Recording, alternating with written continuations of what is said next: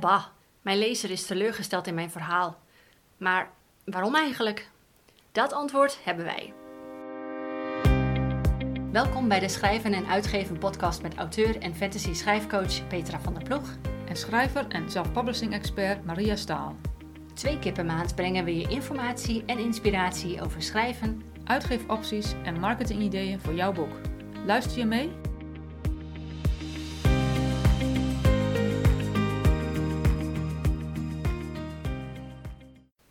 Hallo, ik ben Petra van der Ploeg en vandaag is het zaterdag 2 april 2022. Deze aflevering is nummer 18 van de podcast, waarin we het gaan hebben over genreconventies. Oftewel, wat verwacht de lezer van jouw boek? Maria en ik leggen uit waarom elk genre moet voldoen aan bepaalde vereisten, wat het verschil is met tropes en clichés en we geven voorbeelden uit vier verschillende genres. Veel luisterplezier!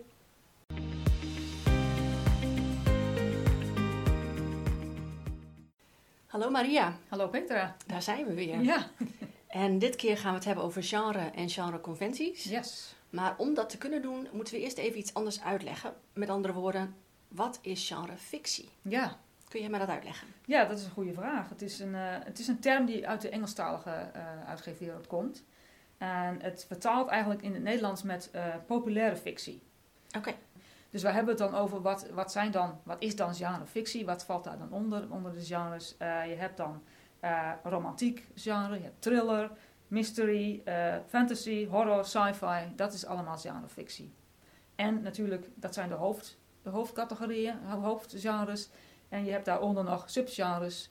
Bijvoorbeeld cozy mystery, weet ik veel wat, rechtbank, thrillers. dus de- dat je dus kan onderverdelen naar nog meer eh, specifiekere subgenres, zeg Ja, maar. ja, ja. En waar, waarom het is gebeurd, het, eh, genrefictie wordt geschreven omdat het, eh, het wordt gezien als entertainment. In- en, en, en literatuur wordt niet per se gezien als entertainment. Dus het wordt, met, met genrefictie kun je mensen ent, entertainen, je kunt ze meenemen. En dan zal ik meteen even bij zeggen, ik, gebruik, ik merk het nu zelf ook, net wat ik net deed, ik gebruik het woord categorie en genre door elkaar. Maar het is hetzelfde. Ja, ik denk dat dat ook komt omdat we eh, een heel groot verschil zien tussen de Nederlandse genres en de Engelstalige genres. Hè, die, die, Ja. die- en ik denk, eh, en dat is een andere aflevering die we gaan doen binnenkort, eh, Ja. waarin we daar wat meer op in zullen haken. Maar dat is denk ik ook waarom het voor ons, omdat wij ook allebei in het Engels schrijven, Hmm. het woord genre en categorie ja, heel makkelijk door elkaar heen wordt gehaald. Ja, ja. En sowieso, ehm, precies wat jij zegt, het is, in Nederland heb je vaak de hoofdcategorieën wel. Zoals op bol.com bijvoorbeeld heeft eh, eh, een aantal, ik heb dat even opgezocht, de, de genres die je kunt, kunt, eh, als lezer kunt zoeken, zijn literatuur en romans, thriller en spanning, kinderboeken, fantasy en science fiction en YA, oftewel young adult. Dus dat zijn eigenlijk de hoofdgenres. Mhm. En je hebt eigenlijk niet de subgenres daaronder staan. En dat is, maar dat is, dat is dus precies. Ik denk dat dat een, eh, een probleem is voor zelfpappers. Zodat je, ze krijgen er minder zichtbaarheid van als je het niet kunt indelen in meer eh, specifieke eh, subgenres. Maar dat is inderdaad een aflevering voor de volgende keer. Want dat moeten we nou niet over hebben. Want dan, dan ga ik op mijn stokpaardje zitten en dat lijkt me niet verstandig. Daar is ook heel veel over te zeggen. We Heel hebben wat dat betreft al genoeg in deze Heel aflevering. veel, ja precies. We hebben al genoeg. Ja. Nou, ik, ga- ik, ik, we, we hebben dit is een onderwerp waar we allebei verstand van hebben. Dus we gaan een beetje om en om met vragen stellen. En, eh, dus ik heb een vraag voor jou. Want eh, het gaat niet alleen om, om genre en genreconventies. Maar dan moet je het ook wel even hebben over tropes. Ja. Wat zijn tropes? Ja, een troop, ehm, ehm, dat is eigenlijk iets wat in een bepaald genre wordt gebruikt, eh, dat als heel erg alledaags wordt gezien. Dat, dat, je leest het verhaal in dat genre en je denkt, oh ja, dit is herkenbaar, dit, dit gebeurt vaker in dit type genre. Dat is een troop. Ehm, zo zie je bijvoorbeeld in een superheldenverhaal is een troop bijvoorbeeld een schuld, die, sch- sch- schuld? een schurk die de wereld wil veroveren. Als je naar de, naar de Disney-verhalen bijvoorbeeld kijkt, Mhm. dat is een troop in een superheldenverhaal. Ja. Ehm, dus een troop is een onderdeel van het plot. Ja. En waar je dus mee op moet passen, want dat is dus eh, ehm, toen ik hier eh, wat meer research in ging doen, een troop kan heel makkelijk overgaan in een cliché. Ja. Ehm, en het is wel iets anders. Een cliché is, eh, is iets wat, eh, waarbij je eigenlijk je ogen gaat rollen, zo van, ah, daar hebben we hem weer. Ja. Ehm, eh, maar een cliché is ook gelijk heel erg persoonlijk. Want wat de een denkt, ach god, daar, daar hebben we weer zo'n zo'n verhaal met, met die troop.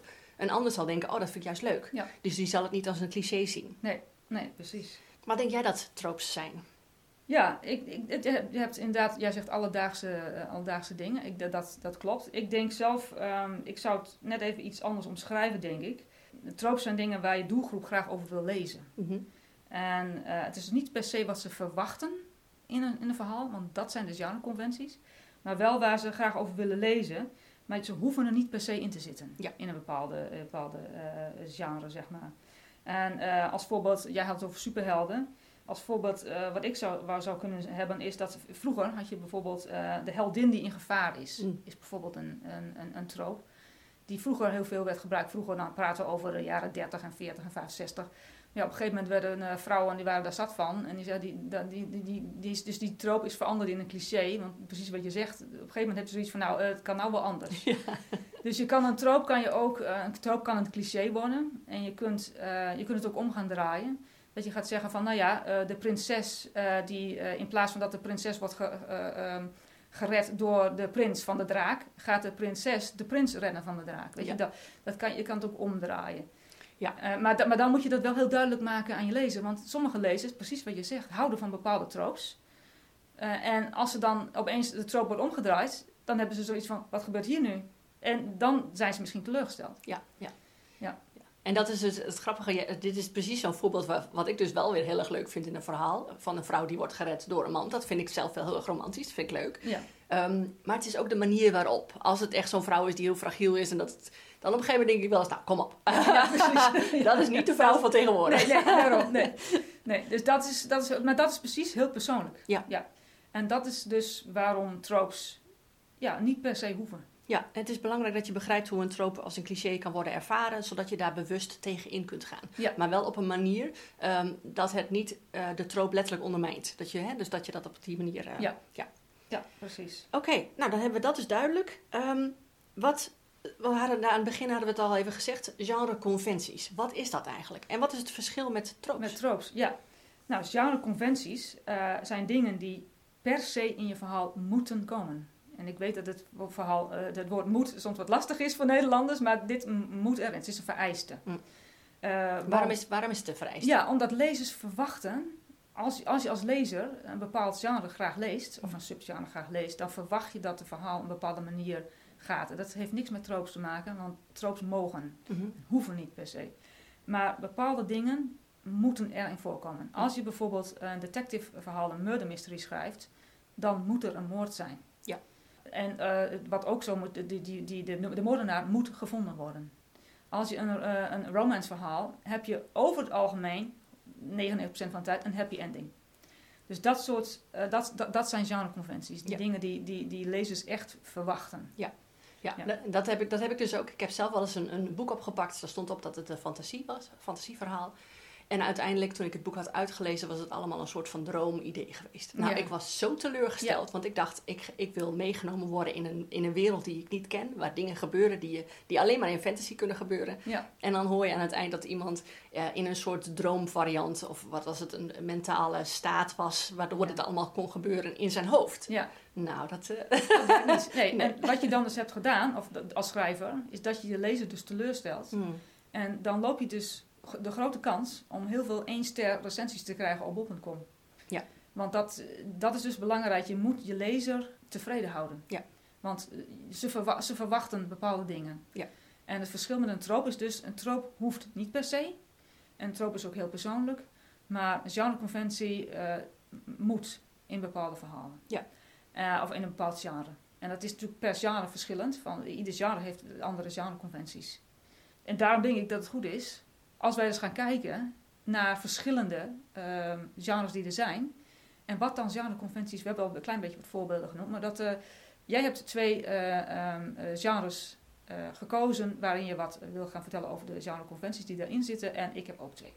We gaan vier eh, in totaal gaan we even uitwerken en gaan we aangeven wat daar, daarvan de genreconventies zijn. Ja. Zodat als mensen in deze vier genres schrijven, dat ze dan gelijk weten, oh hier moet ik even op letten. Precies. En Maar, doen- maar, ook, maar ook om een idee te geven, wat zijn dan conventies? Ja, ja, ja. En we doen met opzet maar vier, want als we alles gaan uitwerken, dan, dan wordt het drie, drie uur lang. No way. En dat is ook veel te lang. En dat is, weet je, de schrijven, dat is ook nog wat je, wat je als genreconventie eh, eh, kunt onthouden. Vaak ben je als schrijver, lees je ook het genre waar je in schrijft. En dus, dus een genreconventie weet je vaak ook al wel van uh, wat dan er ongeveer erin moet komen. En je kunt het vaak ook gewoon googlen. Ja. Je kan gewoon uh, genreconventies uh, googlen en dan, dan krijg je gewoon een lijst. Want vaak staat het gewoon overal op het internet. Precies, ja. precies. Um, nou, ik, jij en ik hebben allebei het genre in ieder geval gepakt die wij zelf schrijven. Ja. Um, dat is dus in dit geval een subgenre en we pakken een hoofdgenre. Ja. Um, mijn subgenre, subgenre is Portal Fantasy. Um, nou moet je eerst even uitleggen wat Portal Fantasy is. Ga ik dat even uitleggen? Ja, ja. Ik, ik, wist dat namelijk totaal niet. het is een subgenre in het fantasy gedeelte. En het is eigenlijk, als je het heel plat slaat, betekent het dat je via een bepaalde manier in een andere wereld terechtkomt. Dat kan dus via een deur zijn, dat kan via een magisch object zijn. Um, uh, boeken zoals bijvoorbeeld Narnia, uh, waarbij, iemand, waarbij de kinderen door een klerenkast in een andere wereld komen. Dat is duidelijk een Portal Fantasy. Ja, ja. Dus als je dan kijkt naar uh, Portal Fantasy, dan moeten er in ieder geval twee dingen moeten er gebeuren. Um, dat is één, je hoofdpersonage komt uit onze wereld of uit een wereld die gelijk is aan de onze. Uh, en hij gaat via een portal, een portaal, naar een compleet andere nieuwe wereld. Dus dat kan een unieke wereld zijn, een alternatieve wereld of een parallelle wereld. Dat zijn in ieder geval twee dingen die moeten voorkomen in een uh, Portal Fantasy. Als we het hebben over de portaal, hoeft niet per se een deur te zijn. Het kan bijvoorbeeld ook, uh, wat ik net al zei, het aanraken van magisch objecten zijn. Um, maar het belangrijkste is in ieder geval dat het hoofdpersonage door die manier in die nieuwe wereld gaat komen. En wat je ook heel vaak ziet, is dat die manier van reizen vervolgens uh, niet meer voor de terugreis gebruikt kan worden. Ah. Um, en dan heb je gelijk bij de lezer de vraag, maar hoe komt hij dan terug? Ja. Hoe kan, kan die überhaupt nog terugkomen naar zijn eigen wereld? Dus dat zie je heel vaak wat, wat er gaat gebeuren in uh, een Portal Fantasy. Vervolgens wil je heel duidelijk maken wat het verschil is tussen onze wereld en de nieuwe wereld. En dat is het mooie, jij als lezer woont op deze wereld. Jouw hoofdpersonage woont, uh, woont ook in zo'n soort wereld als deze, dus je kan je gelijk identificeren met Ja. jouw hoofdpersonage. Dat is ook de kern van een Portal Fantasy. Jij wil je lezer laten identificeren met um, je hoofdpersonage. Ja. Harry Potter is dus een, een, een, jongen met wie je je kan identificeren, omdat hij. Um, ja, het is een normale jongen, hij heeft niet door dat hij magische krachten heeft. Uh, maar hij heeft wel uh, dingetjes die net anders zijn dan anders. Hij kan bijvoorbeeld met slangen, slangen praten. Ja. Dat kunnen wij niet. Nee. En toch kun je identificeren met hem, omdat hij uh, net als jou in het leven door struggles heen gaat. Dus dat wil je heel erg, die, die band wil je heel erg duidelijk maken in een Portal Fantasy. Dus om het even samen te voegen, Portal Fantasy, um, de portaal is belangrijk, het verschil tussen onze wereld en, en de nieuwe wereld en die identificatie met je hoofdpersonage. Ja. Dus dat, dat zijn de drie dingen die heel duidelijk naar voren moeten komen. in moeten komen als Ja. genreconventies. Ja, Ja, en jij had um, Cozy Mystery uitgewerkt. ik had Cozy Mystery, maar ik ga eerst thriller doen. Je gaat eerst thriller. Ik ga eerst thriller doen. Vertel, Ja. wat zijn de genreconventies voor, voor een thriller? Voor een, voor een thriller. Nou, thriller is natuurlijk een hoofdgenre. En daar heb je ook vreselijk veel uh, sub- subgenres onder. Maar ik heb even de, de thriller even uitgeschat als hoofdgenre wat daar uh, mee gebeuren moet. Maar wat dus per se in een thriller moet voorkomen als genreconventie, is dat er dus een, eh, een super slechterik is. De, en die moet gestopt worden. En over het algemeen is bekend wie die slechterik al is. Dus in tegenstelling tot bij de mystery is vaak niet bekend wie de moordenaar is. Maar bij, bij, de, bij de thriller weet men al tegen wie je vecht, aan het vechten bent.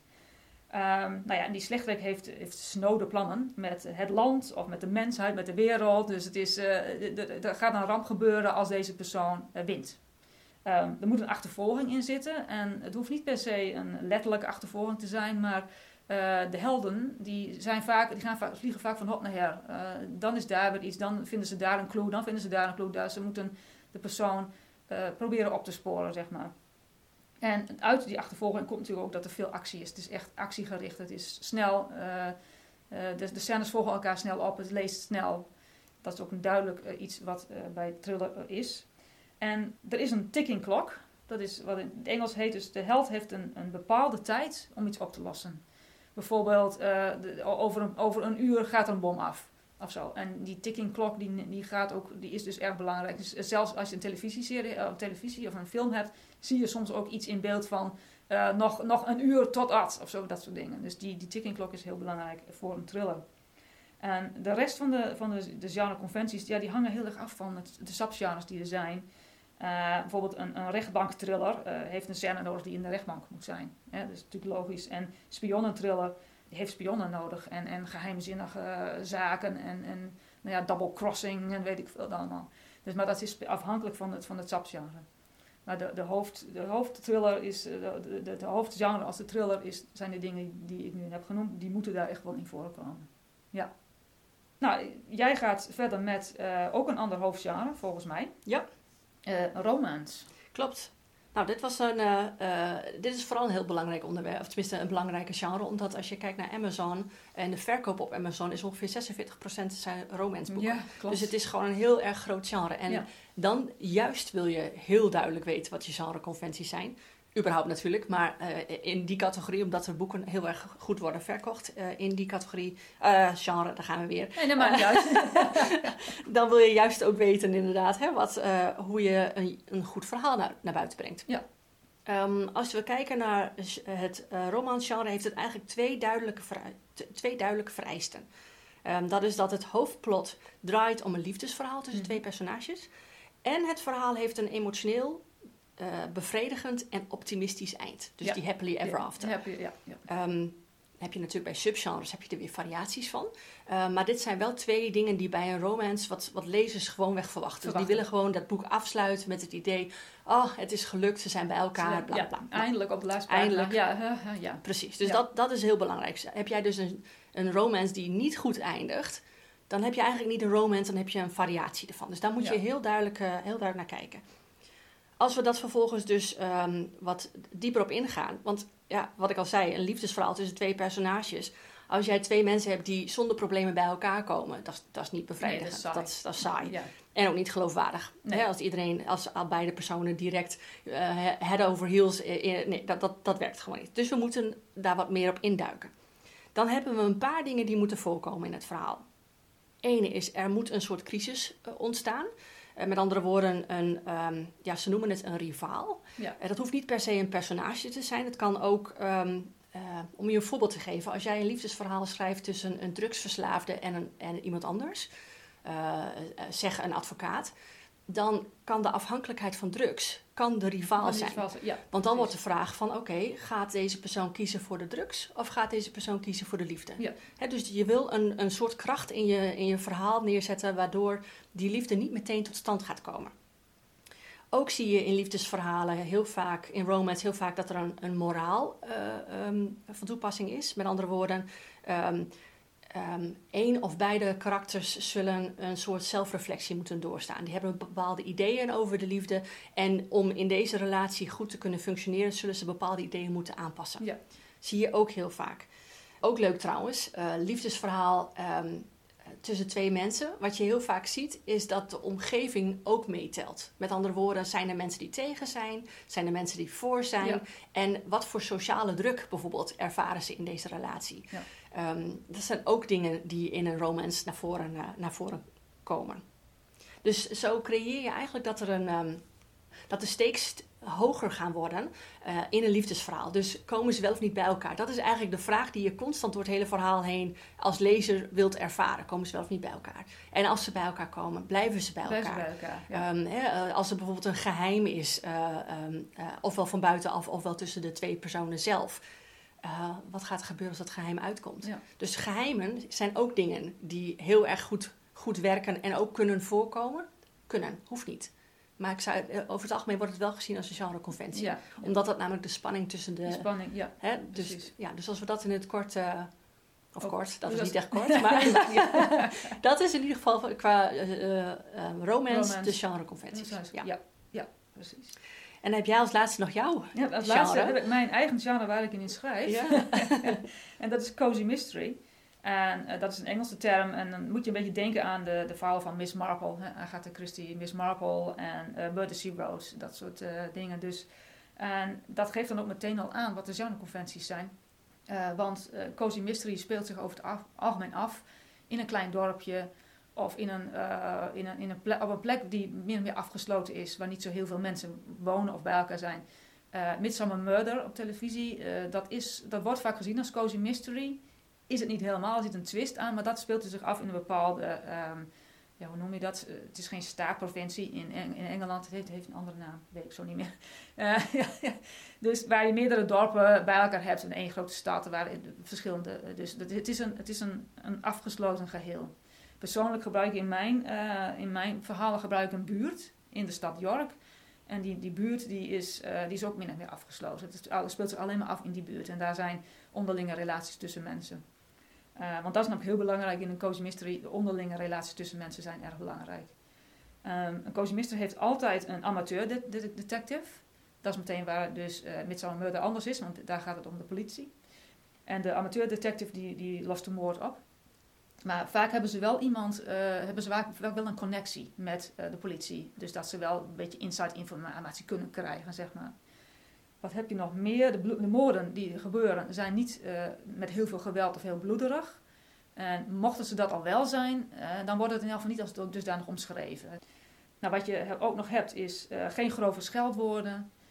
als er al seks in voorkomt, is dat achter een gesloten deur. Dus het is niet, het is ja, het woord braaf komt naar voren, maar dat is gewoon, het is niet, het is rustig. Het is, um, de onderlinge relaties zijn erg belangrijk.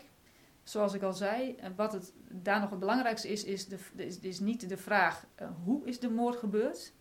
Uh, dat is meer CSI, dat, is, dat heet dan uh, Police Procedural, heet dat in het Engels. maar de Cozy Mystery gaat juist over um, waarom de moord is gebeurd. En daar heb ik, als ik dus zelf mijn cosmistisch schrijf, bedenk ik in eerste instantie een, dat heet een web of lies, waarin je het slachtoffer in het midden zet, met daar allemaal de verdachten omheen. En al die verdachten hebben een relatie gehad met die, uh, niet een relatie, liefdesrelatie, maar gewoon een relatie met, die, met, die, met het uh, slachtoffer. Maar onderling hebben ze ook relaties met elkaar. Mm ze hebben een geheim, ze willen iets achterhouden, waardoor, uh, en soms hoeft dat niks met de moord te maken te hebben, maar ze hebben bijvoorbeeld een keer iets gestolen of zo. En dat willen ze niet dat het uitkomt, want opeens is er iemand die wat meer duikt in iets wat er is gebeurd en ze zijn bang dat dingen naar, naar, naar voren komen. Daarom worden ze verdacht, terwijl ze niet, de moord niet hebben gepleegd. Dus dat is, uh, de onderlinge relaties zijn erg belangrijk uh, in Cozy Mysteries. Ja. Dus de Web of Lies is ook een genreconventie? Nee. Dus ja, Web of Lies is een, is een techniek om uh, te zorgen dat je de, moord, de, ah. de, de, structuur van het verhaal goed kunt krijgen. Ja, dus de conventie uh, die, die je eigenlijk noemt is, is de, de onderlinge relaties. Onderlinge relaties, ja, ja. En dat doe je, dat, kun je, dat, dat moet je van tevoren uitzoeken. Want als je moet weten hoe de moord is gepleegd, als, dat, doe je, dat doe ik in ieder geval door een web, de Web of Lies te maken. Ja, ja. ja. Dus dan hebben we nu vier, uh, vier variaties uitgewerkt. Um, en er zijn nog wel veel meer uh, um, te ja. benoemen. En dat gaan we dus uh, ja, niet in deze aflevering doen. Ieder, ieder, ieder hoofdgenre heeft genreconventies. Ieder ja. subgenre heeft genreconventies. En hoe dieper je gaat, je hebt ook sub-subgenres. Je hebt bijvoorbeeld van Cozy Mystery, om even een snel voorbeeld te geven. Cozy Mystery is een subgenre van Mystery. Maar je hebt ook uh, Cozy Mysteries die speciaal over dieren gaan. Hm. Of die speciaal gaan over een klein boutiqueje of zoiets. Dus dat is dan weer een sub, subgenre. Dus dat, de, en daar hoort, als je in, in een, een boutique hebt of een, of een, eh, een, een, boekwinkel of zo, dan moet er een boekwinkel in voorkomen. Ja. En dat soort dingen. Of als een, uh, met, met koken, heel veel met koken tegenwoordig. Uh, dus dan moet, je, ja, dan moet er iemand zijn die, die, cake, die cakes aan het bakken is. Dat, dat soort dingen. Maar dat zijn de, de genreconventies van de sub-subgenre. Ja, ja. En hoe dieper je gaat met de sub-subgenres en hoe beter je gaat kijken wat zijn de genreconventies van dat specifieke sub- of subgenre, hoe meer, uh, hoe duidelijker het wordt voor je lezer. Wat, want je lezer houdt van een bepaalde, uh, bepaalde dingen. Hoe beter zij kunnen weten van oké, hier gaat dit boek over, dit boek is voor mij. Ja.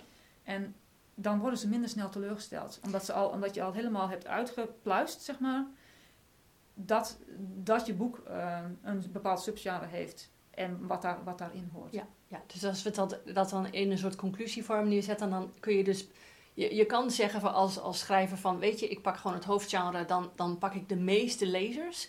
Alleen het nadeel daarmee is dat jouw verhaal eigenlijk altijd in een bepaald subgenre thuis hoort. Ja. Uh, en je gaat met, als jij alleen het hoofdgenre kiest, ga je dus een deel van je lezers automatisch teleurstellen. Want die verwachten bepaalde dingen um, die jij dan wel of niet gaat uitwerken. Dus je kan ja. dan beter een subgenre gaan kiezen, ja. dat gaan uitwerken met de juiste genreconventies. En dan ook de juiste groep Precies. lezers aantrekken. Aan lezers aantrekken, ja. als die mogelijkheid bestaat. En dat is in Nederland lastig. Maar daar gaan we een andere keer over hebben. Ja, Want ja. Dat, is een, dat is een frustratie van mij. maar, dat, dat, maar dat heeft met marketing te maken. Ja. Maar genreconventies heeft ook zeker met marketing te maken. Het heeft niet alleen te maken met het schrijven van het boek. Weten hoe je boek in elkaar zit. Mm -hmm. Maar het heeft ook te maken met uh, hoe vind ik mijn lezer. En eh, wat willen mijn lezers? Ja. Daar heeft het zeer zeker ook mee te maken. Dus het zijn twee dingen die, die meespelen. Ja, ja. Ehm, ik, nog, ik heb ook nog even een kleine conclusie eh, eh, bedacht, opgeschreven. Eh, want je wilt je lezer dus niet teleurstellen. Dat is, dat is het allerbelangrijkste. Ehm, dus je moet zorgen dat je weet wat de genreconventies zijn in jouw genre en de, de verschillende subgenres.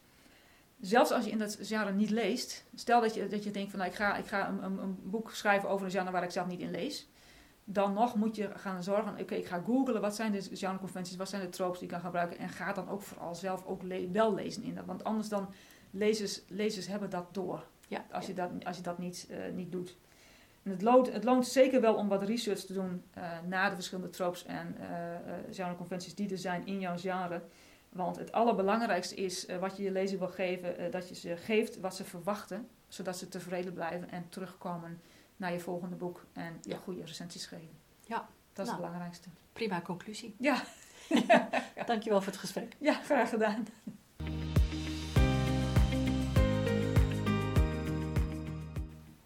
Genreconventies zijn niet alleen een must voor je lezer, maar ook voor je marketing.